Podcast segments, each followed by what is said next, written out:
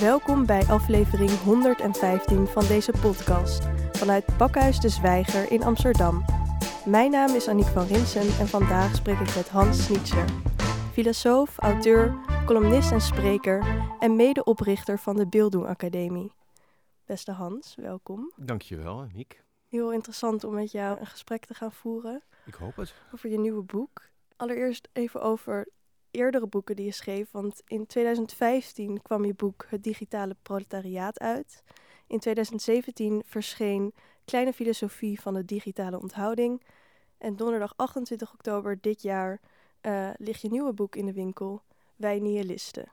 Wat zag je toen je vanuit een sociaal-cultureel-filosofische bril naar digitale keek?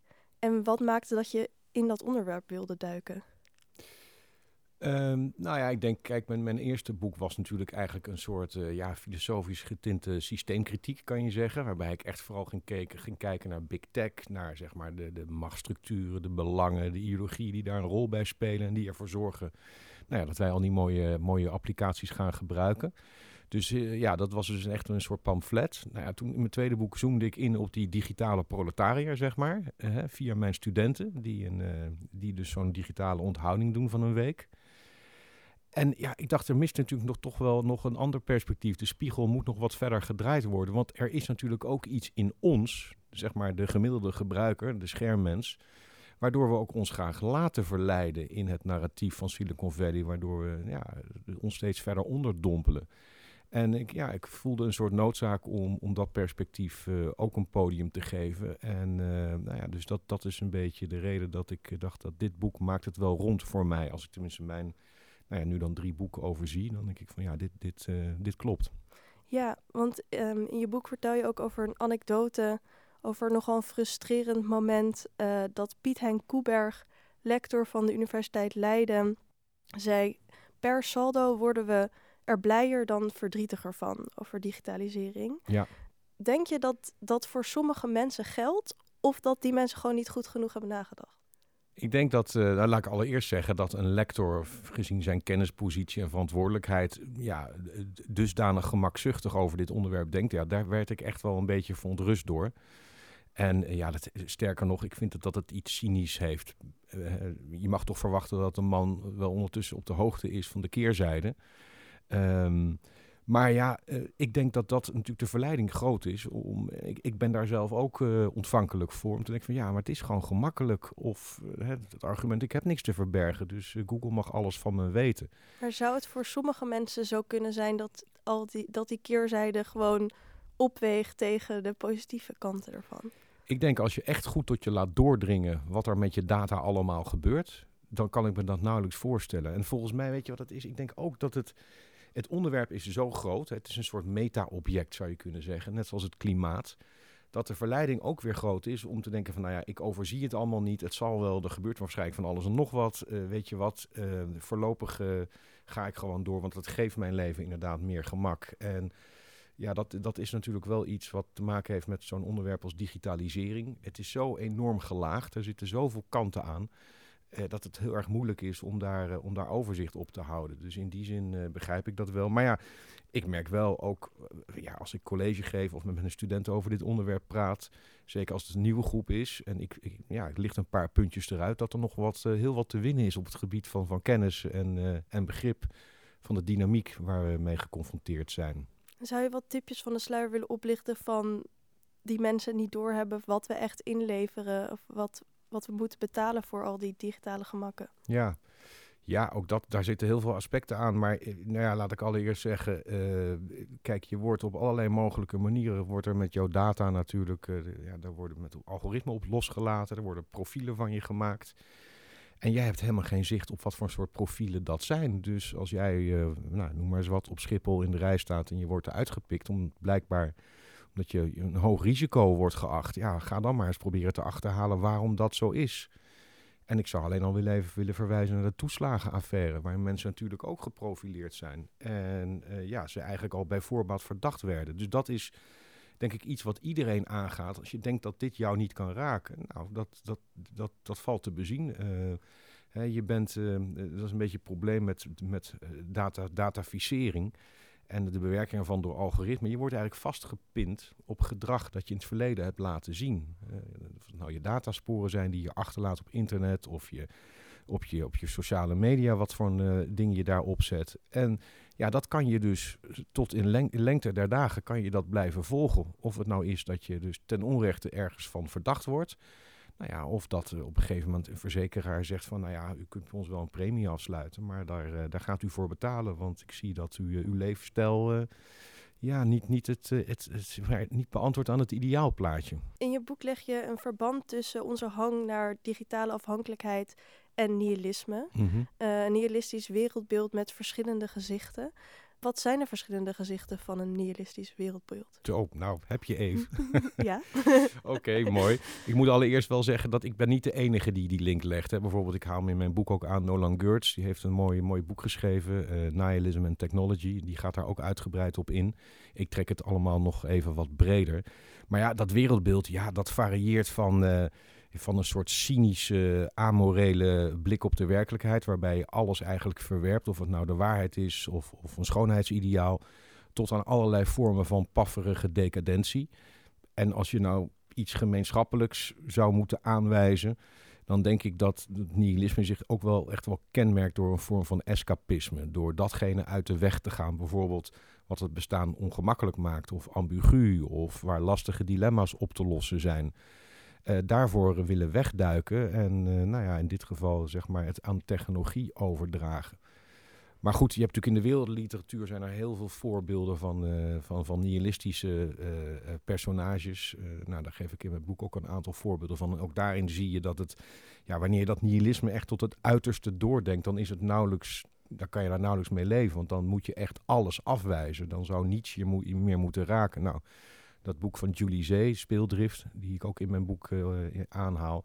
Ja, daar zie je wat, waar dat dan op uit kan lopen. En dan gaan, ja, in dit geval jongeren, tieners zijn het, jongvolwassenen, die gaan gewoon voor de lol lekker experimenteren en uh, dingen kapot maken. Gewoon omdat het kan. Dus ja, dat is, hè, niets is waar, alles is geoorloofd. Dat is de ultieme consequentie van het nihilisme. Maar je hebt meer passieve vormen, zoals Nietzsche het zou noemen. En, en daarin zie je meer dat het ja, vormen van escapisme aanneemt. En escapisme is dus, daar leent het digitale domein zich heel erg voor. Ja, volgens mij wel. En, en, daar zitten allerlei verschillende niveaus in. Dat gaat natuurlijk van het alledaagse dat je je verveling kunt wegswipen. Dat je niet het gesprek met jezelf aan hoeft te gaan, wat natuurlijk altijd wel eens een keer lastig kan zijn. En dat je gewoon oeverloos kunt, kunt doomscrollen of wat dan ook. Tot aan ja, de neiging om uh, zeg maar alles wat het bestaan uh, dubbelzinnig maakt. Uh, proberen te vatten in, in, in, in spreadsheets, in data.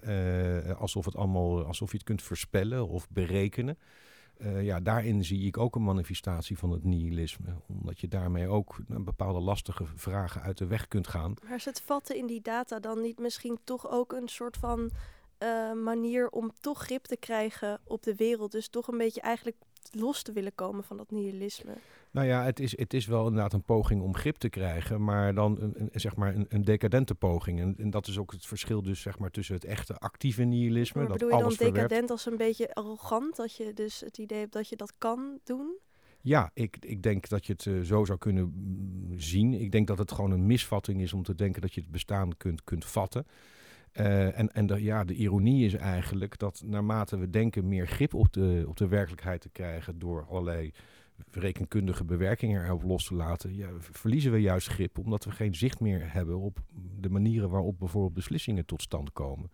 Dus het, daar zit ook echt een, een, voor, voor mij in ieder geval een, een, dimensie van gemakzucht in. En uh, ja, ook dat, die gemakzucht, ja, nihilisme is echt een veelkoppig monster kun je terugvoeren naar die hele pregnante cultuuranalyse die Nietzsche natuurlijk gemaakt heeft. Ja, en wat heeft uh, technosolutionisme met nihilisme te maken? En misschien voor mensen die de term technosolutionisme niet kennen, kan je dat ook even toelichten. Ja, uh, technosolutionisme is het idee, het is een begrip van wat uh, afkomstig is van Yevgeny Morozov, hè, de Wit-Russische internetcriticus. Hebben we ook in de podcast gehad. Oh, wat goed. Ja, ja. nou ja, dat is natuurlijk uh, een belangrijke stem in dit hele debat.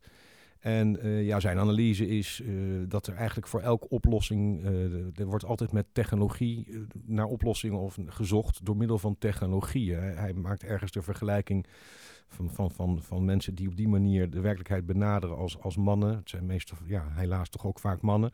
Mannen met hamers die overal een spijker zien. Dus die blijven maar ergens erop slaan in de hoop dat ja, het probleem, wat het maatschappelijke achtergrond ook is, of de sociale achtergrond, gooi er gewoon nog meer technologie aan. En uiteindelijk uh, vinden we de oplossing wel. En ja, wat men dus vergeet, is dat technologie altijd een Januskop heeft. Ja, het lost soms dingen op, of zelfs misschien wel heel vaak. Maar het veroorzaakt ook vaak weer allerlei nieuwe problemen die we dan weer niet kunnen overzien. Maar goed, dus dat is dat idee van uh, technological fix ook, zou je kunnen noemen. Alles met technologie vergelden, elk probleem. En waarom is dat nihilistisch? Of waarom is dat te linken met nihilisme? Nou ja, omdat daar ook weer voor geldt, is dat de, de, de, de vraag naar betekenis of zingeving of waarheid, dat is een opgave die we op een bepaalde manier ook gewoon op ons moeten nemen. En door te denken dat je dat kunt uitbesteden aan technologie, ja, verlies je eigenlijk, laat je eigenlijk dus weer een, een soort nieuw soort uh, anonieme, autonome kracht bepalen uh, hoe we de dingen gaan doen. En dat is ook weer een aspect van het nihilisme. Dat ja, Nietzsche zegt ook ergens van de mens zal altijd op zoek gaan naar nieuwe afgoden. Want we zijn er nog niet aan toe dat God dood is, dat besef. Dus elke mogelijkheid om een soort externe autoriteit te omarmen, ja, dat, daartoe zullen we dus ook geneigd zijn. Nou ja, en dat, dat gebeurt dus menigmaal via onze technologieën. En ook dat is dus een manifestatie van nihilisme. We komen er helaas niet onderuit. um, in je boek beschrijf je het archetype van de nerd wonend in Nerdistan die de leer van het dataïsme, een technoderministische stroming, aanhangt. Um, waar staat deze archetype voor en waar streeft deze nerd naar? Um, nou ja, dit archetype staat voor een, een mens dat dus inderdaad alles met, met technologie denkt, uh, denkt op te lossen. En uh, misschien eigenlijk toch een voorkeur geeft aan een soort binaire benadering van de werkelijkheid. Iets is waar of onwaar, of een nul of een één, zwart of wit. Nou, je ziet dat komt, dat komt goed uit, want die algoritmen ook van sociale media zijn precies zo ingericht dat ze dus eh, heel erg polariserend werken. Nou, polariserend is een mooi woord in dit verband. Is de ene pol tegen de andere. Blijkbaar voelen we ons daar, daar toch ook prettig bij.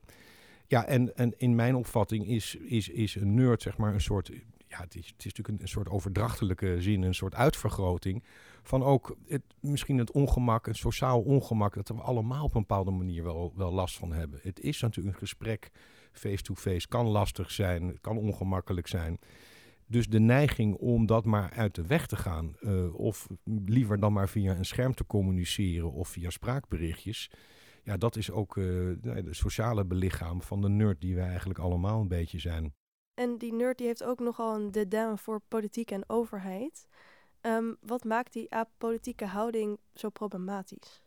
Nou ja, omdat je denk ik, wat je, het, het, risico is, is groot om ook hier dus vanuit dat technosolutionisme te denken van nou ja, als we maar gewoon genoeg data verzamelen, dan gaan we patronen zien. En die patronen die kunnen verbanden laten zien. En die kunnen we dan gewoon gaan oplossen. Hè. Dus we kunnen bijvoorbeeld uh, op basis van data bepaalde wijken als wijken zien waar, waar nou, veel risico's uh, gelopen worden, waar de veiligheid in het geding is. En dan gaan we dus daar meer uh, patrouilleren. En ja, je raadt het al, inderdaad ga je dan daar nog meer misdaad zien. Dus dan wordt zo'n wijk als het ware ook in een soort van polariserende dynamiek meegenomen. Maar stel je neemt dan mee in je data dat als je dat doet, dat er meer misdaad is, kan je dan niet gewoon je model aanpassen en dan...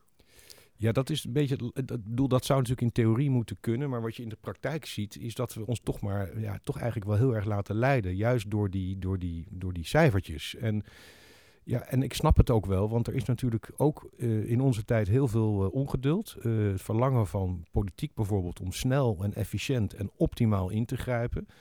Politici die daar in toenemende mate ook, ook gehoor aan willen geven, want ja, ze willen toch ook weer verkozen worden. Ze moeten ook aan hun beeldvorming natuurlijk denken. En uh, ja, wat er dan gebeurt, denk ik, is dat je ziet dat men dus inderdaad op basis van gegevens gaat ingrijpen. Maar wat je vergeet dan, is dat wat data en algoritmen doen, dat zijn correlaties uh, blootleggen. Dus ja, mogelijke verbanden. Dat is, er zit natuurlijk geen relatie van noodzakelijkheid in. Plus dat je uh, ja, ook weer op die manier ehm, eigenlijk voortdurend bezig bent met iets wat resultaten die in het verleden behaald zijn, of het nou door mensen zijn of door instellingen, die ga je extrapoleren naar de toekomst. En ja, dan krijg je dus wat, wat Maxime Februari, de columnist NRC onder andere, en schrijver, een, een datacratie noemt. En dat vind ik wel een heel treffend begrip. En zijn analyse, en ik denk dat die klopt, is wat je dus ziet is dat het vooral uitvoerende organisaties zijn, of instanties, die dus met, veelal met data werken, met, met computerprogramma's. Dat worden een soort ja, eigenstandig opererende datakoninkrijkjes, waar de, de wetgevende uitvoerende macht steeds verder achteraan hobbelt. Die kunnen dat steeds slechter in het zicht houden. Ze hebben niet helemaal overzicht wat er nu precies gebeurt.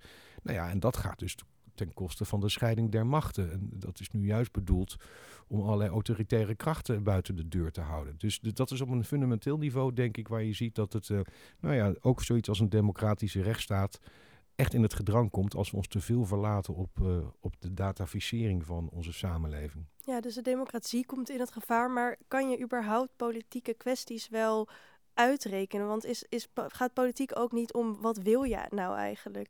Ja, daar raak je natuurlijk een heel wezenlijk punt. Het gaat om, uh, om visie. Hè? Dat is de, de, olifant, uh, wat was het? de olifant in de Kamer volgens ons premier. Uh, die, die, die zich daar niet op wil verlaten. Maar inderdaad, politiek gaat natuurlijk over gewenste inrichtingen van samenlevingen. En, en, en daar een, een, een beeld van vormen. En daar proberen naar te streven. En dit is eigenlijk nou, wat ik dan ook echt ja, in, die, in die zin technodeterminisme noem. Dus, dus, dus je, je kijkt niet meer zozeer naar de toekomst, maar je, zit, je kijkt eigenlijk voortdurend achterom van hey, op basis van welk soort patronen uh, moeten we nu gewoon gaan ingrijpen. Dus dat is, dat is echt heel technocratisch. Dat is dan, dan krijg je dus echt technocratisch bestuur.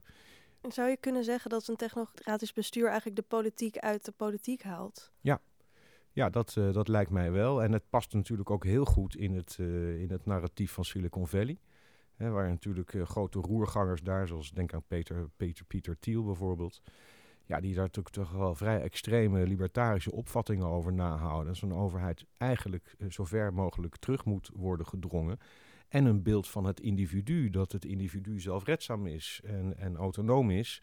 En zich eigenlijk niets gelegen moet laten liggen aan een betuttelende overheid. Of een overheid die überhaupt iets voorschrijft. Dus in die zin past het wel heel goed in, uh, ja, in de Californische ideologie, die in Silicon Valley natuurlijk wel schering en inslag is. Je observeert ook in je boek dat de digitalisering de patiënt verandert in ziektegegevens, de muziekliefhebber in luistergegevens en de leerling in leergegevens.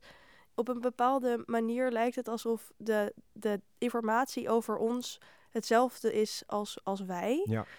Um, welke gedachtegang zit erachter dat dus informatie over een mens hetzelfde is als die mens zelf? Ja, ik denk eerlijk gezegd dat, uh, nou ja, enerzijds het is natuurlijk vrij banaal. Het is ook hier weer het idee dat je dus het wezen of de essentie van de mens op de een of andere manier te pakken kunt krijgen.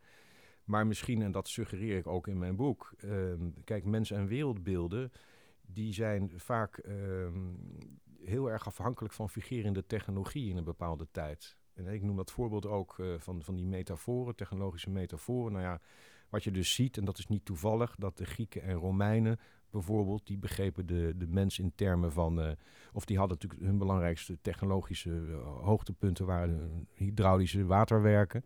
En ja, die begrijpen menselijke emoties in termen van lichaamssappen. Nou, dan kijk je naar de renaissance en dan zie je dat uh, klok- en uurwerken algemeen ingang vinden. En ja hoor, we gaan de mens als een verfijnd mechanisme zien, als een soort klokwerk eigenlijk.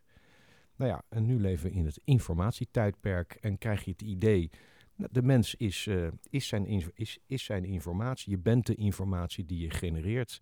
Het is een beetje een variant op we zijn ons brein. En uh, ja, ik denk dat, dat we dus heel erg goed moeten opletten van hé, hey, waar komt dat, dat idee vandaan? En nou, dan denk ik dat technologie ook in belangrijke mate in ieder geval mede bepalen hoe we naar onszelf en de werkelijkheid kijken. Maar ja, de vraag is, is het wel waar? Ja, wat mist er, denk je, in de formule van, uh, in deze formule? Ja, wat mist er? Uh, uh, nou ja, daar mist al bijvoorbeeld dat het, het kan heel slim zijn om je dom te houden, om maar iets te noemen. Dus we gaan nu slimme steden bouwen en, en, en slimme huizen en slimme ijskasten, noem maar op.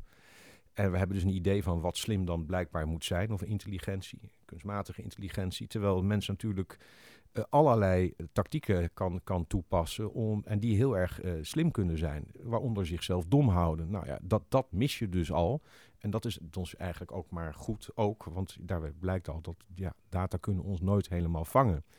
Maar goed, het gaat natuurlijk ook over de manier waarop eh, een, een, emotie of een, of een indruk, uh, een hand op je schouder of het zicht op een landschap of een kunstwerk, hoe dat kan doorwerken in jou en hoe je daar ja, op allerlei manieren allerlei associaties mee kunt krijgen.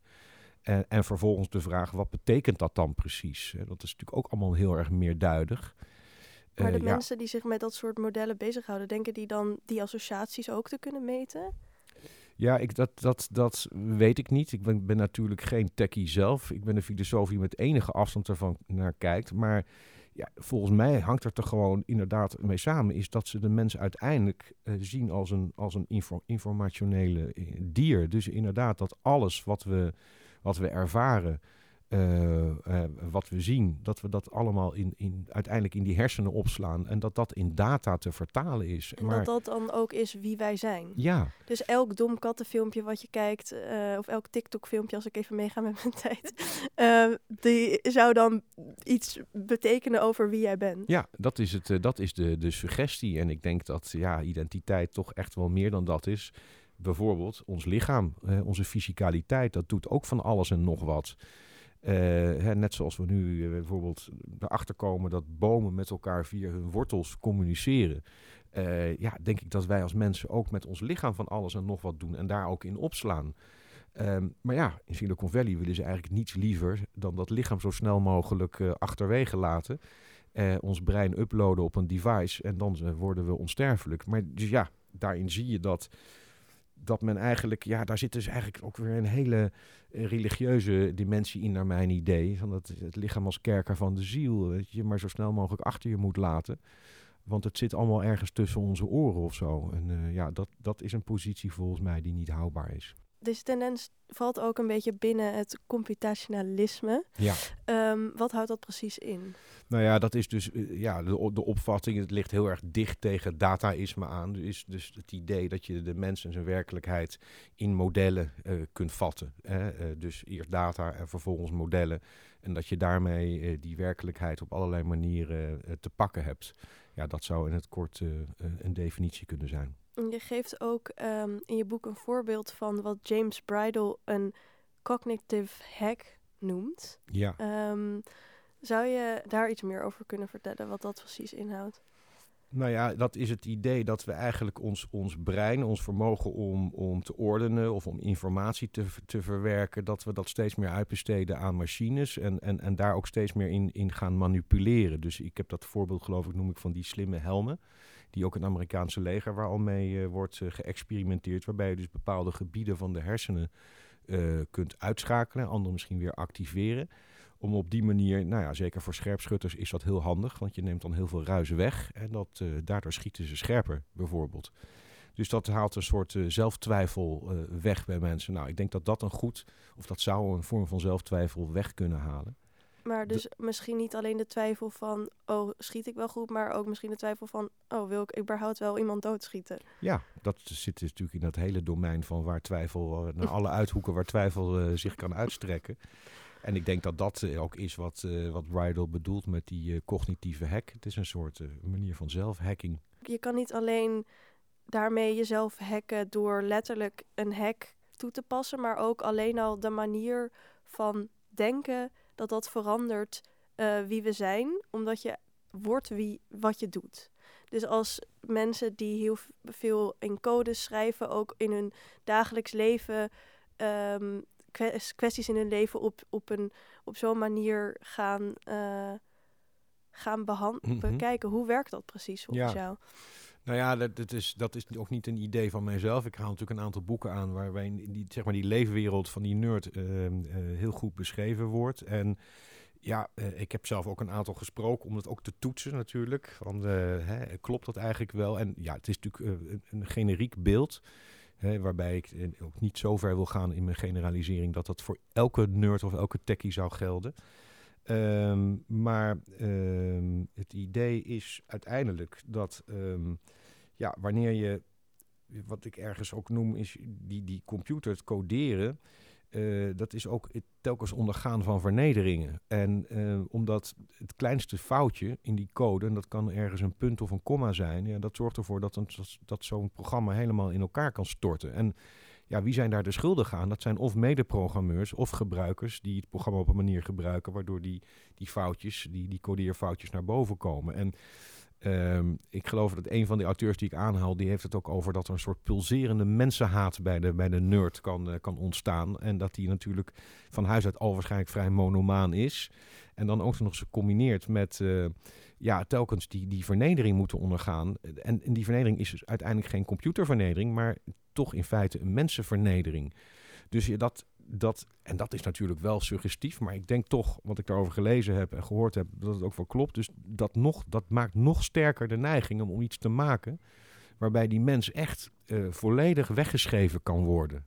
En dat soort fouten niet meer kunnen gemaakt worden. Of het verlangen om de werkelijkheid of sociale interacties zo te maken dat, dat al dat soort ja, 404 meldingen of errorcodes uh, ook uit onze sociale interactie kunnen verdwijnen. En ja, daar zit één voorbeeld in, dat heb ik ergens vandaan gehaald van een, ik, ben even haar naam kwijt, maar een Indiaanse vrouw uit India, die als eerste bij Facebook als programmeur werd aangenomen. En die, op een, bij een, een, een, die hield een voordracht of een praatje en die zei van ja, dat het gearrangeerde huwelijk, wat, wat voor haar ook gold, dat ze dat eigenlijk, dat dat met haar engineersgeest heel erg goed uh, in overeenstemming was. Want het was ja, het meest efficiënt en optimaal. Ja, dat is natuurlijk een fascinerend voorbeeld. En ik denk heel veelzeggend. Ja, inderdaad. Ik vond het ook een heel veelzeggend voorbeeld. Um, als je wordt wat je doet, wat ben jij dan geworden door het schrijven van dit boek? dat vind ik wel een hele leuke vraag. Nou, laat ik.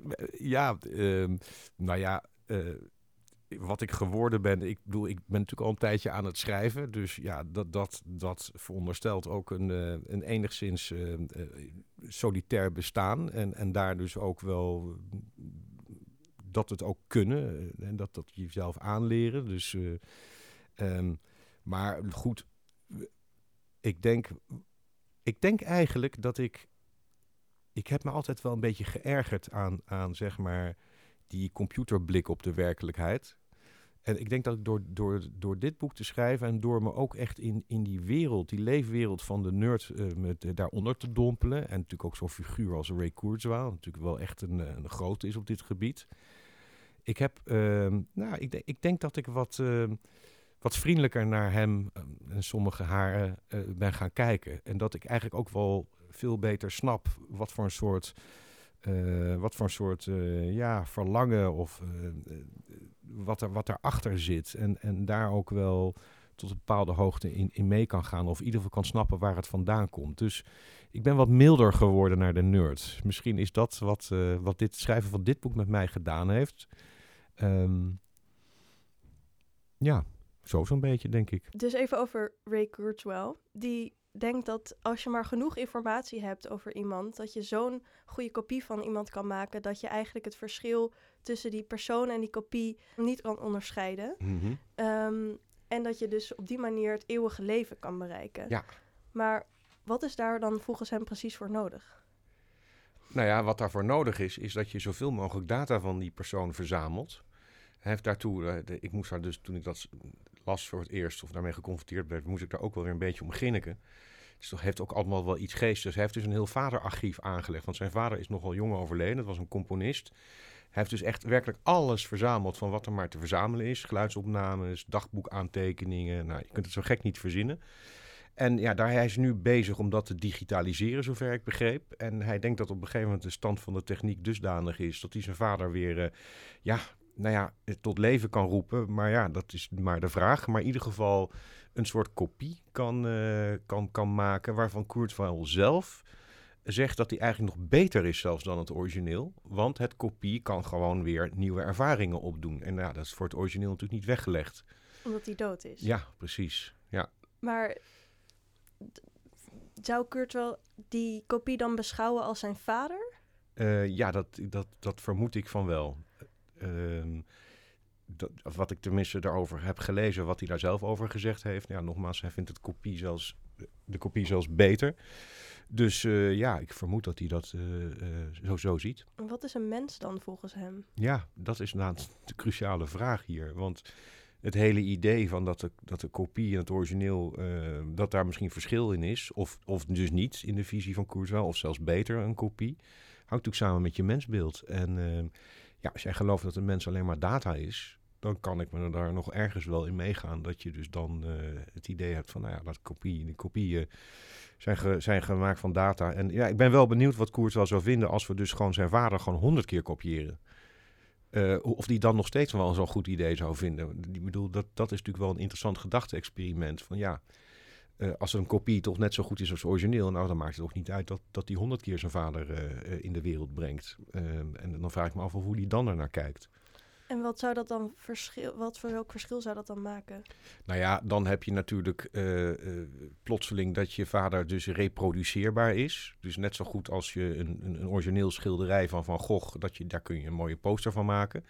Of misschien zelfs een reproductie die nauwelijks te onderscheiden is van het origineel. Maar ja, uh, als je vervolgens dat honderd of duizend keer doet, dan, dan doet dat toch ook iets met de waarde van, van zo'n schilderij.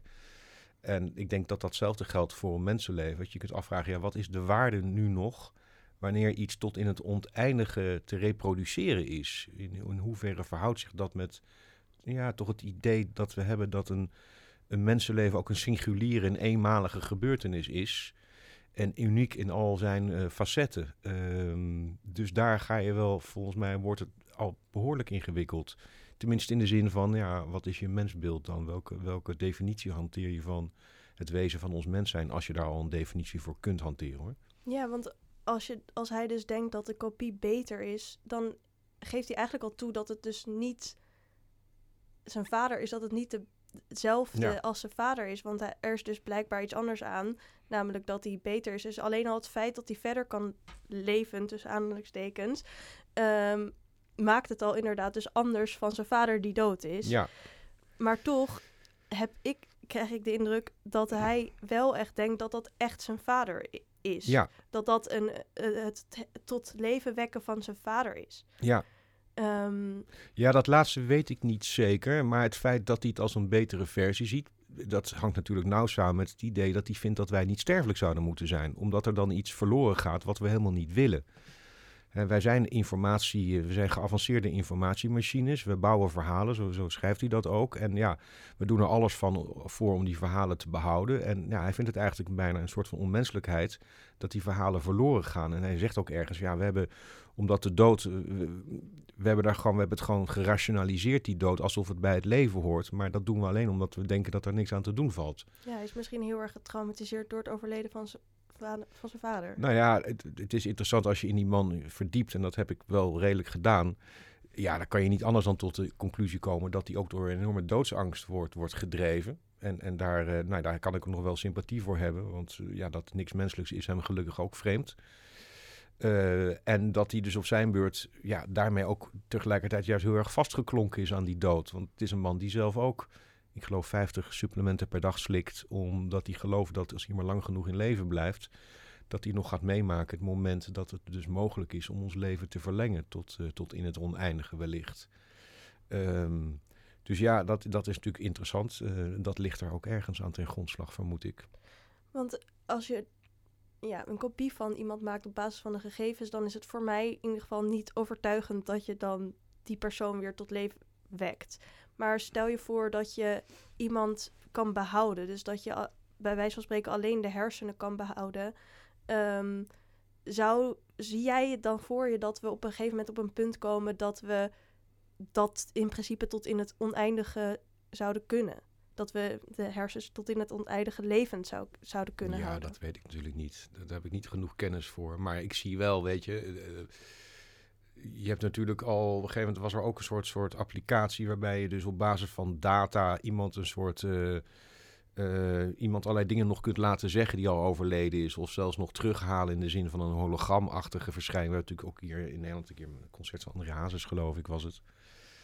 Uh, dus dat soort dingen zullen we zeker gaan, gaan proberen. Ik denk dat sommige mensen daar ook wel heel veel troost aan uit kunnen halen.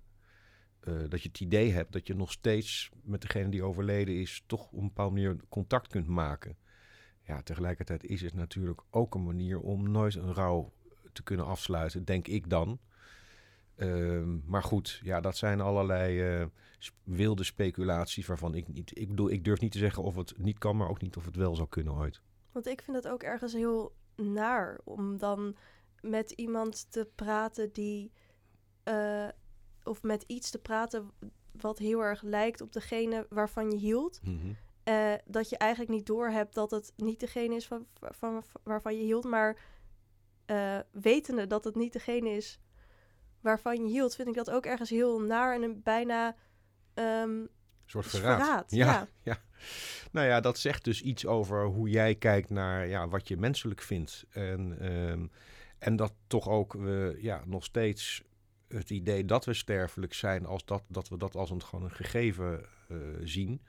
Eh, het gegeven dat ons allemaal verbindt aan elkaar. En ja, precies ook dat wat het leven spankracht geeft. Ehm, en ehm, dus ja, ik, ik denk, eh, en dan krijg je dus de vraag van ja, in hoeverre wil je, zou je oneindig moeten willen leven? Ehm, nou ja, goed, daarvoor haal ik dus in mijn boek ook Simone de Beauvoir is eh, aan. Simone de Beauvoir heeft daar natuurlijk ooit een roman over geschreven. En de hoofdpersoon die is onsterfelijk. En ja, die verveelt zich natuurlijk kapot op een gegeven moment. Alles herhaalt zich tot in het eind, oneindige. Dus elke vorm van een deugd als opofferingsgezindheid of moed, dat heeft helemaal geen waarde meer. En eh, dus die is nog meer dood dan als die echt dood zou zijn. Ja, omdat er geen urgentie meer in het leven zit. En omdat je alles kan doen en uitproberen als je oneindig leeft. Klopt. Dus het is niet alleen dat er geen urgentie is, maar ja, je kunt je ook afvragen hoe betrokken je dan nog bent op, op die ander. Eh, als je weet dat je elke fout die je maakt, eh, ja, eh, kunt, kunt of herhalen, maar natuurlijk ook weer misschien op een bepaalde manier kunt weg, wegmasseren. Als je maar lang genoeg leeft. Maar nou goed, het is. Ik verbind dan natuurlijk in mijn boek die, die dat verlangen om eh, tot in het oneindige te leven. Dat is natuurlijk een heel oud verlangen, wat al in het, in Gilgamesh-epos natuurlijk daarover gaat. Het is een heel menselijk streven of verlangen. En tegelijkertijd denk ik dat hier bijvoorbeeld Joke Hermsen wel eh, in haar boek eh, Melancholie van de Onrust. Zij maakt ook duidelijk dat die gevoelens van melancholie, die hebben te maken met het besef van je sterfelijkheid. Zodra je dus een besef daarvan krijgt als kind, dan, dan wil je dat eigenlijk op een bepaalde manier wil je dat weghalen. En het is ook een besef van het breken van een eenheid met de wereld.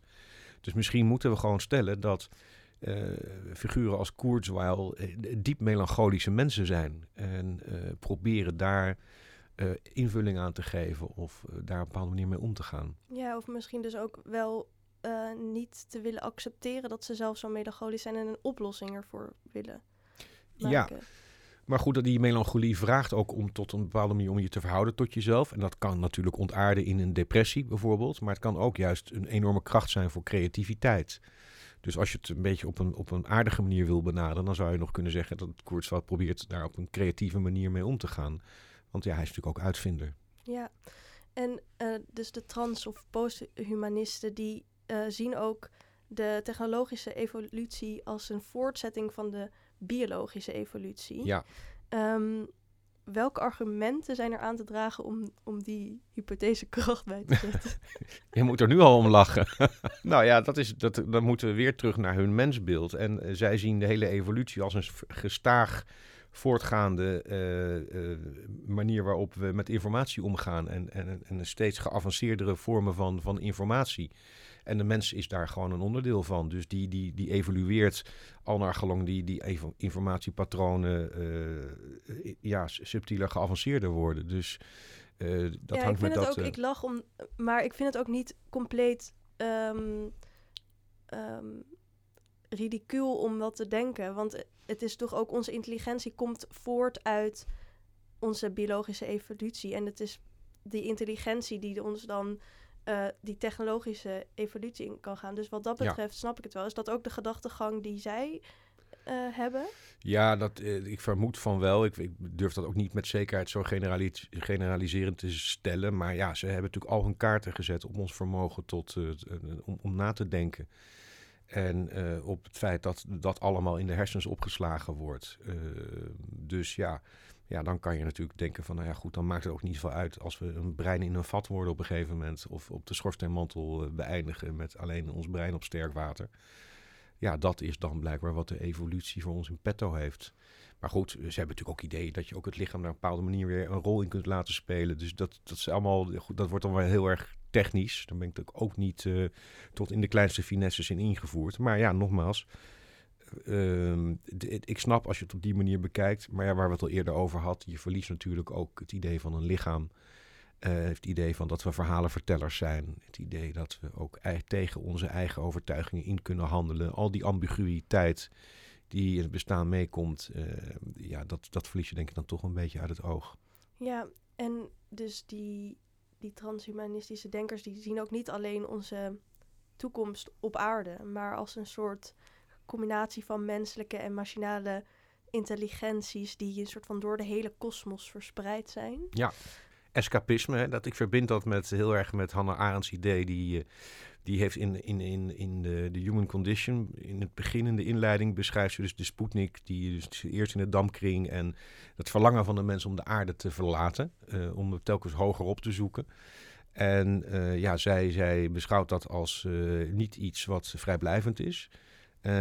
En zij ja, ziet het in termen van, ze, ze, schrijft in termen van als een opstandigheid tegen het menselijke bestaan, waarbij we ja, juist onze natuurlijke omgeving, waar de enige omgeving waar we gewoon normaal kunnen ademen. Ik bedoel, ja, natuurlijk kunnen we naar Mars met z'n allen, maar de temperaturen zijn niet echt heel prettig daar. En we moeten dus een soort ja, ecosysteem daar gaan bouwen. Dus het is, het is ons nog veel vijandiger gezind uh, dan, dan de aarde. En nou ja, dat zie je dus ook, dat idee dat, onze, dat we zulke intelligente wezens worden, of dat die technologie op een gegeven moment een intelligentie-explosie uh, gaat doormaken. Kurzweil die situeert dat in uh, eh, 2045, dus het is heel dichtbij.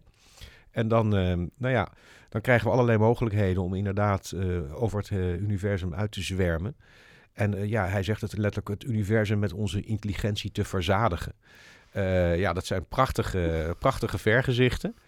En ik ja, plaats dat dan toch in, in dat idee van, van escapisme en koppel dat ook weer. Want het heeft ook een soort, een soort idee van een soort pinkstergemeenschap. Wat we dan van eeuwige vrede en, en, en, en begrip voor elkaar. Omdat we, ja, we staan met elkaar in contact. Hè? Onze, onze breinen kunnen direct met elkaar communiceren.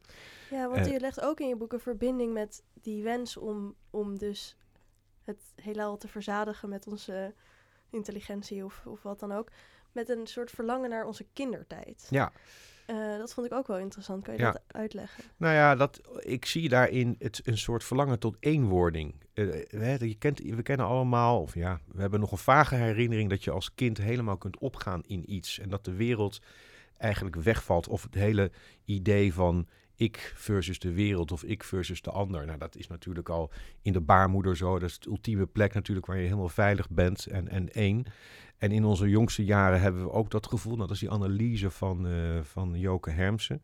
En op het moment dat, we, dat die eenheid verbroken wordt, dat we een perceptie van ik krijgen of beseffen dat we ook tegenover een wereld staan, dat we een afstand te overbruggen is, ja, dat is eigenlijk een heel pijnlijk moment. En dat is ook de kiem volgens haar van onze melancholisch gevoel. En ja, die zwermgeest, daarin kun je natuurlijk weer helemaal opgaan uh, in de ander. Zuckerberg wil ook een telepathisch netwerk, sociaal netwerk uh, oprichten. Nou ja, dat is daar ook zo'n voorbeeld van. En dat we daardoor uh, in eeuwige harmonie met elkaar uh, gaan samenleven. Een soort uitstorting van de Heilige Geest, maar dan met technologische middelen. Zo heb ik het geloof ik in mijn boek verwoord. Je had het al even over 2045, waarin Kurzweil denkt dat we in singulariteit, als ik het woord goed gebruik, ja. terechtkomen. Dus dat de intelligentie zo ver gevorderd is dat wij het niet meer kunnen vatten? Is dat de... Dat, uh, uh, ja, misschien moet je dat ook zeggen. Maar in ieder geval dat dan onze intelligente machines uh, een soort intelligentie-explosie gaan meemaken. Waarbij ze, nou ja, dus oneindig veel slimmer zijn en intelligenter dan, wij. En, en, en dat tegelijkertijd dat wij dus samen met die intelligenties dan dingen kunnen gaan doen die je tot voor kort niet voor mogelijk hebt gehouden. Dus dat is die, die singuliere uh, gebeurtenis. Ook een gebeurtenis natuurlijk, singulariteit verwijst ook naar de natuurkunde, waarin ja, ruimte en tijd als het ware helemaal uh, verdwijnen of, of een andere dimensie wordt aangenomen. En ja, we kunnen ons daar dus helemaal geen voorstelling van maken. Nou ja, Koerts wel iets meer. Ja. Uh, en uh, ja, dan, dan, dan wordt alles wat we tot voor kort voor absoluut onmogelijk hielden, wordt dan ja, wordt dan mogelijk. Je stelt een hele terechte vraag, namelijk door welke krachten die, die singuliere realiteit voortbewogen zou worden. En ja. een vraag die jij niet vaak gesteld ziet worden. Um, heb je daar enige ideeën over wat dat dan zou kunnen zijn? Ik heb daar geen idee over, want ik kan me helemaal geen voorstellingen maken van die hele singulariteit, of nauwelijks. dit verband, dat is natuurlijk wel altijd een probleem met, met, met uh, futuristen, mensen die menen dat ze kunnen in de toekomst kunnen kijken. Ehm, het is heel moeilijk om, om, daar, ehm, om daar iets zinnigs over te zeggen, omdat ik ehm, ja, ik denk dat dat, dat, dat in de toekomst kijken eigenlijk, uh, ja, dat, dat dat eigenlijk onmogelijk is. Uh, maar nu ben ik je vraag even kwijt. Het ging over dus die, die singulariteit en de vraag die jij stelt van door wie of wat oh ja. wordt dat voort, ja. wordt geduwd of Ja. door wie, wat is dat precies? Ja, precies. Dus ja, daarin zie je dus die. Ja, dan, dat, ik krijg dan het beeld van een soort anonieme, eigenstandig opererende machinemacht. eh, die blijkbaar het beste met ons voor heeft. Of die wij nog op de een of andere manier wel kunnen besturen. Maar Kurzweil is daar, dat zeg ik ook in mijn boek, is daar toch wat vaag over, vind ik. Want ergens zegt hij van dat zeg maar de machinewerkelijkheid waar we nu in leven. eh, dat, dat die dom is en dat, we, eh, en dat we dus juist moeten naar een slimmere versie. Maar ja, als je ziet dat we al deze domme machinerealiteit niet werkelijk onder controle kunnen krijgen, of dat er allerlei neveneffecten zijn die we niet kunnen overzien, dan is mijn vraag inderdaad, hoe kunnen we dat ooit zien met een, met een machinewerkelijkheid die, die zo slim is, zo intelligent, dat we daar ons geen, ja, überhaupt niet weten wat dat betekent. En, Ja, en we zijn ook al jaren eh, in science fiction bezig met de vraag van als er zulke intelligente wezens, of vaak zijn het dan in de vorm van robots zijn, gaan die dan onze wereld overnemen? Ja, en ik denk dat we dus dat soort beelden misschien maar een beetje moeten relativeren. Ik denk eh, eerder dat we, dat moeten banger moeten zijn. Niet dat, dat, dat eh, robots op ons gaan lijken, maar dat wij zelf op robots gaan lijken. Omdat we, ja, we ons eh, aan de leiband van, van algoritmen laten leggen. En ehm, ik denk dat eerder daar de uitdaging zit om daarvoor te waken. Je boek is soms speculatief en associatief, onder andere door poëtische intermezzo's. Wat maakte dat je ervoor hebt gekozen om deze associaties en proza toe te voegen aan je betoog? Ja. Nou ja, ik was heel erg op zoek. Ik heb ook eerdere versies geschreven. Ehm, ik was ook op zoek naar een soort andere, andere, een ander taalspel, als ik het zo mag noemen. Om, om nog meer beter invoelbaar te maken van wat er nou eigenlijk op het spel staat. Dus ik heb daar best wel lang mee geworsteld. Maar wist wel van ja, je moet. Kijk, het liefst had ik misschien wel een roman geschreven. eh, wellicht een dystopische toekomstroman. Uh, maar dat vind ik dan, vond ik dan ook toch weer minder interessant. Dus ik zat eerst met andere vormen. Maar ja, ik geloof dat we er andere taalspelletjes moeten spelen om te snappen, om te voelen, om werkelijk ons te kunnen inleven wat er hier speelt. En, ja, dat heb ik dus in dit boek uh, geprobeerd. Om uh, met een aantal, ja, ik vind het leuk dat je het poëtisch noemt, maar in ieder geval een aantal, uh, ja, speculatieve, fictieachtige elementen toch, toch iets, zoiets te bewerkstelligen in hoop dat die tekst verder opgetild wordt daardoor. Ja, je had ook heel veel andere literaire voorbeelden aan van uh, schrijvers en filosofen. Hoe zie je de rol van kunst en literatuur in het nadenken over wie we zijn als mens? Ja. Nou ja, als het kijk, als mijn analyse klopt dat we moeten oppassen dat we ons niet in een of ander binair schema laten proppen dan zou ik zeggen, dan, dan is literatuur, kunst, uh, film, uh, dat zijn allerlei manieren om, om te onderzoeken wat voor soort morele registers er nog, nog verder bestaan. Wat voor soort levenspaden je zou kunnen bewandelen als mens. En het besef dat het pad wat jij bewandelt, ja, dat, dat, dat, dat is wel zo, maar het had net goed een heel ander pad kunnen zijn. Dus ik geloof dat zeg maar, we via de kunst ook dat onderzoek naar naar die verschillende morele uh, registers kunnen doen. En dat dat ook onze wereld en, en je eigen wereld zo open mogelijk kan houden. En ja, wanneer we de, de verleiding die er is om toch in onze schermpjes te verdwijnen of te luisteren naar uh, ja, wat Google voor ons aan zoekresultaten ophoest, uh, die natuurlijk al gespiegeld zijn, onze eigen verlangens, wensen en voorkeuren. Ja, ik zocht ook naar een manier om te kijken van ja, waar, waar kun je het nou zoeken om zeg maar, aan dat juk ook een beetje te kunnen ontsnappen. Zonder dat je natuurlijk technologie overboord hoeft te gooien of je smartphone, wat dan ook. Maar uh, ja, dus, dus op die manier denk ik dat kunst, literatuur uh, behulpzaam kan zijn. Ja, ergens in je boek zeg je dat we geen middelen hebben om weerstand te bieden tegen de hegemonie van de technologie. Maar aan het eind geef je toch een aantal suggesties. Ja. Um, wat zijn die suggesties? Ja, je wilt natuurlijk altijd toch een beetje van een, pers een hoopvol perspectief open houden. Maar ik geloof ook echt dat er, dat er uh, ehm, dat, dat er wel een weerwoord mogelijk is. Volgens mij zie je ook al veel gebeuren. Maar goed, ja, mijn suggestie is, uh, komt er uiteindelijk op neer dat we ontvankelijk moeten zijn voor het feit dat we afgestemde wezens zijn. Dat we uh, kwetsbaar staan tegenover onze aanraakbaarheid. Hè? Of het nou een, een, een, schouder op je, of een, een, hand op je schouder is, of een stuk muziek. We zijn sferische wezens. We zijn gevoelig voor sferen. En um, ik denk dat we dat niet moeten vergeten. En dat het heel fijn is om soms natuurlijk te kunnen binge-watchen of in je scherm te kunnen verdwijnen. Maar dat het ook heel erg belangrijk is om open te blijven staan naar die sferen, naar die energieën die er kunnen zijn. En, uh, en dat ja, gaat er uiteindelijk ook over om, om behalve die, die, dat besef van die broosheid te omarmen. Um, ook dus om inderdaad heel actief gedachte-experimenten te doen die misschien radicaal tegen je eigen overtuiging of intuïties ingaan.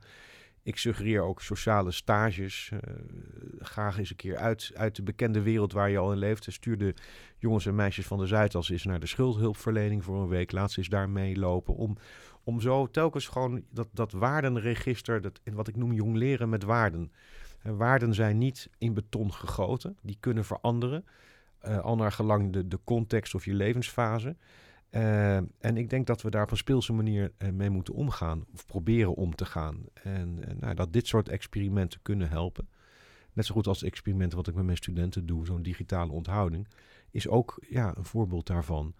Um, dat is dus niet bedoeld om ze in digitaal geheelonthouders te veranderen, maar ja, echt om eens te kijken wat er dan gebeurt. En um, ja, welke dingen er dan kunnen verschijnen die misschien ook van belang zijn en die je misschien uit het zicht bent verloren. Met dit boek klap je ook voorlopig het boekje dicht van je omzwervingen in digitale streken. Naar welke streken vervolgt je reis? Ja, ik heb daar wel ideeën over. En um, één idee ligt misschien in de lijn van dit boek. Um, het heeft te maken met wat ik een interessant fenomeen vind. Dat is uh, het woord tact. Hoe, hoe stem je je af op je omgeving? Het, het delicate evenwicht tussen nabijheid en, en afstand. We worden nu door Zoekenburg worden we heel erg samengepropt voortdurend. We zijn voortdurend bewust van elkaars informatie- en communicatiestroom. Ik denk niet dat we daar heel gelukkig van worden. Ik denk dat distantie ook belangrijk is. Dus misschien dat het wel daar ligt. En ik heb nog een ander heel gewaagd idee, maar dat is nog uh, dusdanig uh, onvoldragen dat ik die nog eventjes uh, voor me hou. En in welke hoek moeten we dat zoeken? Het woord onvoldragen zegt al iets, maar daar houd ik het echt bij. Oké. Okay. Ja. Heel veel dank, Hans Nietzsche. Graag gedaan. Beste luisteraars, dit was aflevering 115 van de podcastserie van Pakhuis de Zwijger. Wil je meer weten? Kom of kijk dan op dinsdag 2 november om 9 uur naar het programma Wij Nihilisten in Pakhuis de Zwijger of via dezwijger.nl slash live. Een rating achterlaten of je abonneren op deze podcast kan via Soundcloud, Spotify, Apple Podcast of een ander podcastplatform. Dank voor het luisteren en tot de volgende keer.